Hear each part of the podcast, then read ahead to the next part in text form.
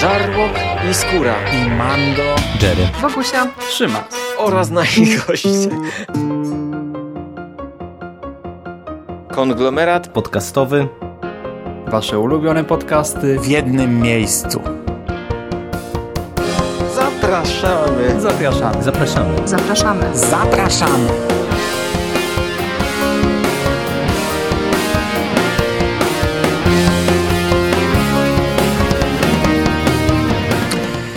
Witam w konglomeracie podcastowym, czyli na platformie, która zbiera wszystkie Wasze ulubione podcasty w jednym miejscu. Ja nazywam się Hubert Spandowski, a dzisiaj zapraszam Was na czwartą odsłonę cyklu Legendy VHS. Dzisiaj będę mówił o filmie Ninja 3 Opętanie. He is the most feared and powerful warrior. A ninja who breaks from ancient tradition and explodes onto America. His soul possesses the body of an innocent woman and transforms her into a lethal assassin. Who are you? I want to help her. Her only hope, the Master Ninja. Where Revenge of the Ninja left off, Ninja 3 begins. An epic struggle of superhuman strength and supernatural forces. Ninja 3, The Domination. I zacznę może od tego, że ja niedawno nagrywałem z Rafałem Sicińskim podcast Brzuch Wieloryba o filmie Samurai Cup i ja tam wyraziłem trochę swoich obaw. Mówiłem o tym, że wychowałem się na takim kinie, wychowałem się na kinie akcji, na kinie karate, na kinie kung fu, na kinie niższej kategorii, B-klasowym kinie. No i mam do niego gigantyczny sentyment. Wiecie, w myślach uwielbiam go, ale w momencie, gdy nagle zderzyłem się z takim filmem, to kurczę, to nie był łatwy seans. To nie była e, przyjemna, mm, to nie było przyjemne oglądanie filmu, chociaż e, po rozmowie z Rafałem ja dość mocno e, zmieniłem zdanie o Samurai. Znaczy, nie to, że zmieniłem zdanie, to jest bardzo zły film, ale po przedyskutowaniu sobie o tym, po rozmowie pełnej śmiechu, e, no e, trochę milej patrzy mi się na ten film już teraz. Natomiast właśnie ja miałem takie obawy, czy ja aby nie wyrosłem z tego typu filmów. Czy niestety może magia nie umarła już. No i tak naprawdę od razu postanowiłem kuć żelazo póki gorące i następnego dnia sięgnąłem po film Ninja 3. Dlaczego po ten film? E, również w podcaście o gliniarzu samuraju mówiłem dużo o salkach wideo, do których chodziłem w latach w końcówce lat 80. Ja wtedy miałem raczej mniej niż 10 lat, bo myśmy kupili magnetowid e, w roku 1989. Ja wtedy miałem 10 lat. To był jeden z pierwszych magnetowidów, jakie w ogóle e, były w mieście. Wtedy w, u nas w szkole to miało kilka osób wideo i, i rynek wymiany działał prężnie. No i wydaje mi się, że te salki wideo były jeszcze wcześniej, gdy ja jeszcze nie miałem yy, w domu czegoś takiego, nie miałem do tego sam dostępu. Pamiętam, że w jednej salce obejrzałem dwie części amerykańskiego ninja, a właśnie w kasynie wojskowym, bo kiedyś u mnie w mieście w Chełmie była jednostka wojskowa, była szkoła oficerska, moja matka zresztą tam uczyła przez jakiś czas matematyki. Myśmy stołowali się w kasynie wojskowym, no i właśnie w kasynie wojskowym była jeszcze sala wideo, do której przychodziło mnóstwo ludzi na pokazy i ja te filmy pamiętam tak, jakbym je oglądał wczoraj. Kurczę, no po prostu to jest niesamowite. Ja tam byłem małym gzubem, małym gnojkiem. Mniej niż 10 lat miałem, czyli to mogło być około 30 lat temu.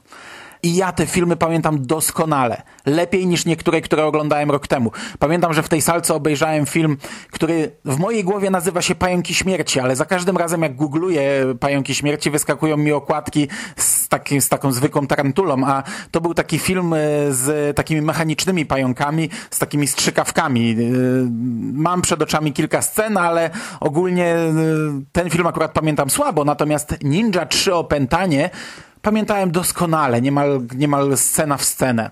I dlatego postanowiłem sięgnąć po ten film, no bo Samurai Cup był filmem, który obejrzałem po raz pierwszy. No i nie okłamujmy się, to był film koszmarny, to był film bardzo zły tak zły, że ja nie przypominam sobie y, wielu przypadków, kiedy oglądałem filmy gorsze. No i tutaj ciężko wyciągać wnioski, czy faktycznie ta magia już prysła.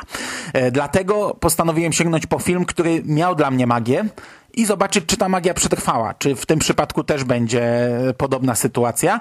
E, napisałem zaraz do Jerego, do Szymasa, że oglądam taki film, że będę o tym nagrywał.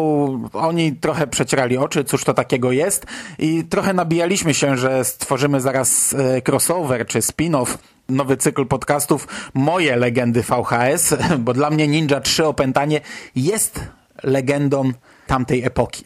A dlaczego mówię o filmie Ninja 3, a nie Ninja 1 czy Ninja 2? No dlatego, że tak naprawdę to jest autonomiczny twór. To jest film, który e, można oglądać poza serią. Ja nawet nie wiem, czy oglądałem e, pozostałe filmy z tej trylogii ponieważ Ninja 3 jest trzecim filmem Canon Films i on właśnie wchodzi w skład takiej trylogii ninja. Pierwszy film to był Enter the Ninja, drugi Revenge the Ninja, tego samego reżysera, no a trzeci Ninja 3 Opętanie. Reżyserem filmu jest Sam Firstenberg, on ma na swoim koncie no, znane tytuły z tamtych lat, właśnie amerykański Ninja 1 i 2, właśnie Zemsta Ninja, amerykański Samuraj, policyjny Cyborg, policyjny Cyborg 2, a z bardziej znanych to Wyspa Piratów, w jednej z głównych ról zobaczymy tutaj aktora, japońskiego aktora Shoko Sugi. To jest nazwisko, o którym ja całkowicie zapomniałem. Nie myślałem o nim od 30 lat, a teraz gdy sięgnąłem po ten film, gdy spojrzałem na okładkę VHS, gdy zobaczyłem, no to kurczę, to było nazwisko, które e, gdzieś tam na moich ustach 30 lat temu padało często w rozmowach, wiecie, z rówieśnikami, gdy jaraliśmy się tym, e, ty, tym rodzajem kina. Ten aktor właśnie zyskał popularność w latach 80., kiedy występował w tego typu filmach. Zagrał m.in. właśnie w Zemście Ninja czy w Dziewięciu Śmierciach Ninja. No i tak jak powiedziałem, Ninja 3 jest całkowicie autonomicznym tworem. E, film zaczyna się od bardzo długiej sceny akcji. Poznajemy czarnego ninja, który w takiej górze ma ukryte, e, ukryty swój strój, swoją broń, e, wchodzi tam, zbroi się, przebiera i pojawia się nagle na polu golfowym, gdzie zaczyna rzeź i to taką kilkunastominutową rzeź. Zaczyna zabijać wszystkich, którzy wchodzą mu w drogę. To nie jest wyjaśnione w filmie, dlaczego on to robi.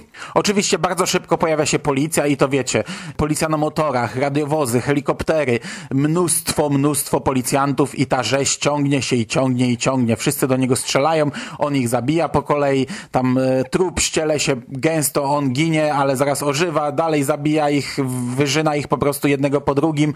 I to jest taka kilkunastominutowa scena wprowadzająca nas w ten film, ale tak jak w przypadku Samurai Kappa mówiłem, że pierwsza scena akcji to jest też kilkunastominutowy pościg i po prostu można e, znieść jajo z nudów, tak tutaj w ogóle nie czuje się tego upływającego czasu, ponieważ to jest e, dynamiczne, to jest dobrze zmontowane, te walki są fajne, Oczywiście, no to jest taki, jest, jest tutaj dużo kiczu i jest taki tandetny sposób walki. Wiecie, ninja zawsze jak sięga po daną broń, no to musi ją przed kamerą pokazać, musi być taka y, na chwilę stop klatka, gdzie on y, wyciąga w naszym kierunku, czym teraz będzie rzucał, czym będzie uderzał. Potem teatralnie musi to rzucić, teatralna śmierć, ale to wszystko jest szybko i, i tak jak mówię, dobrze, dynamicznie, fajnie zmontowane, to się ogląda ciekawie, bo to też yy, jest tutaj bardzo duża różnorodność. No oczywiście to jest głupiutkie, to jest tak głupiutkie, że tam się patrzy z politowaniem i z uśmiechem na ustach, ale kurczę, na to się patrzy naprawdę fajnie.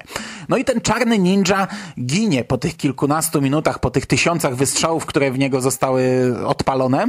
Ale w tym samym czasie obok na słupie telefonicznym pracuje główna bohaterka tego filmu, Christy, czyli kobieta, którą widzicie na graficzce y, z tego podcastu. No i gdy czarny ninja zginął, to on w tym czasie zakopał się pod ziemią, także policjanci nie znaleźli jego ciała i odjechali stamtąd, a on się wykopał z podziemi i, i Christy widzi zataczającą się postać, schodzi z tego słupa telefonicznego, podchodzi do niego, a on w tym momencie e, w pewien sposób opętuje ją. Opętuje ją i miecz, swój japoński miecz, który ona zabiera i nie oddaje policji. Nie mówi całej prawdy na komisariacie Natomiast e, gdy jest przesłuchiwana, no to zaczyna do niej uderzać jeden z młodszych policjantów i tam e, bardzo szybko dochodzi do romansu. Zresztą e, poprowadzone jest to z, zabawnie, absurdalnie i, i no nie najlepiej, no ale, ale to się i tak ogląda uroczo. Natomiast nasza Christie zaczyna mieć luki w pamięci.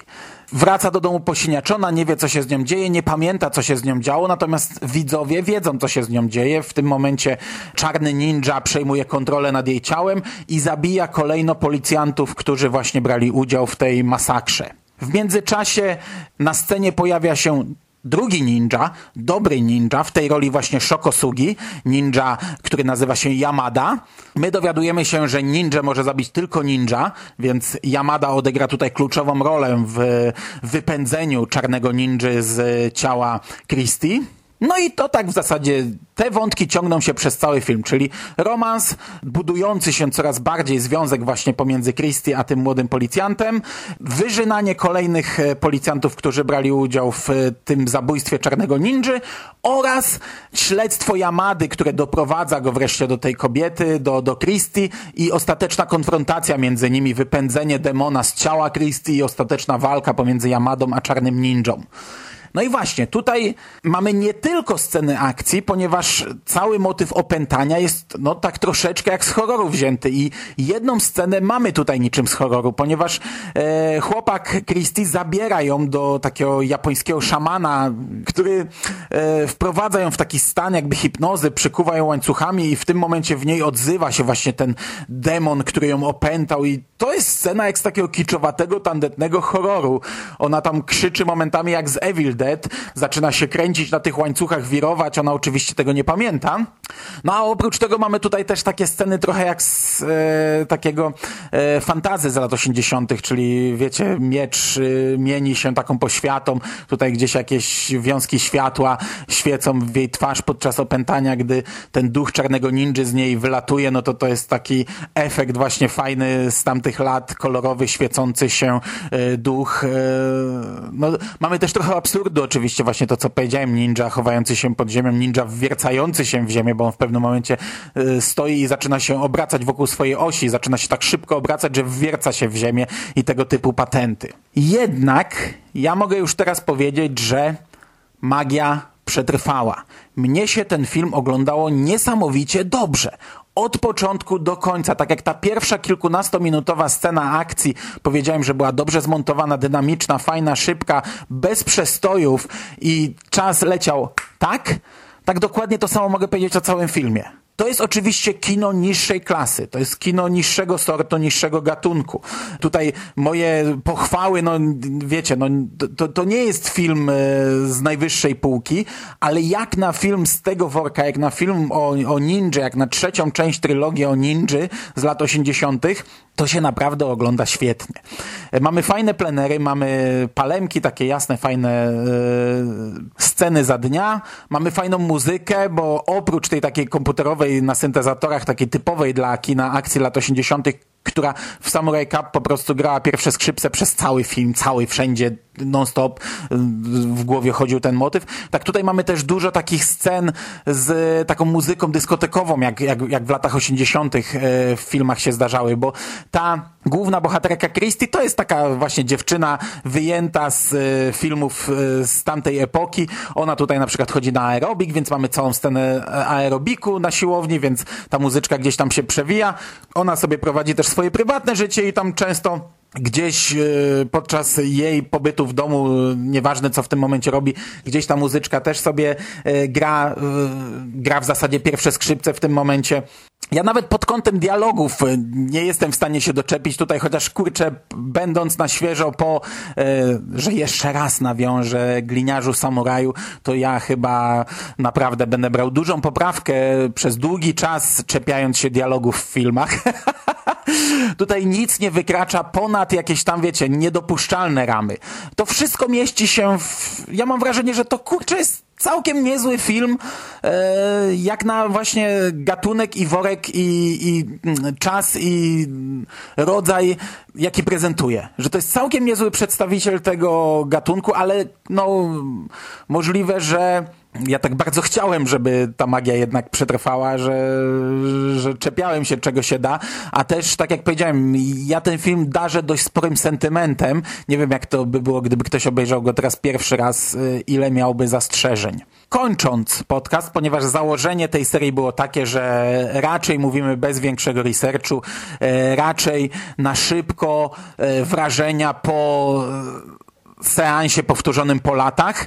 Y, Ja bawiłem się bardzo dobrze. Ninja 3 Opętanie to jest cholernie fajny film i ja się bardzo cieszę, że po 30 latach odświeżyłem sobie tę produkcję, że po 30 latach ja nadal tak samo przyjemnie oglądałem go jak te 30 lat temu. To znaczy, to są zupełnie inne odczucia. Wtedy mały Hubercik e, widzący walczące ninja na ekranie, to wiecie, szczęka na ziemi, oczy jak e, o, i potem się z kolegami bawiło w ninja, nie?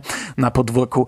Natomiast no, oczywiście, jestem starszy, bogatszy o wiele doświadczeń, zupełnie inaczej patrzę na film i życie, ale nadal to oglądało się świetnie i wcale się nie zdziwię, jak w najbliższym czasie sięgnę po inne filmy z tego worka. Możliwe, że nawet obejrzę sobie całą trylogię Ninja, czyli tak zacznę niczym George Lucas od ostatniej części, a teraz przejdę sobie do części wcześniejszych i zobaczę, czy to faktycznie nie ma żadnego związku, no bo skoro mamy szokosugi zarówno w drugiej i w trzeciej części, to pewnie jakiś tam związek drobny jest, ale y, nie na tyle duży, by wpływało to jakoś na zrozumienie czy niezrozumienie e, filmu, który dzisiaj omawiam. Podejrzewam, że to po prostu jest ten sam bohater. Chociaż przepraszam, teraz y, sprawdziłem dopiero na IMDB i w drugiej części on gra inną postać. Ta postać inaczej się nazywa. To jest Cho Osaki. Zresztą on w drugiej części jest czarnym ninją, więc mm, to jest najprawdopodobniej zupełnie co innego. Okej, okay. to by było na dzisiaj wszystko. Ja Wam bardzo dziękuję za uwagę. Trzymajcie się ciepło. Do usłyszenia w przyszłości. Cześć!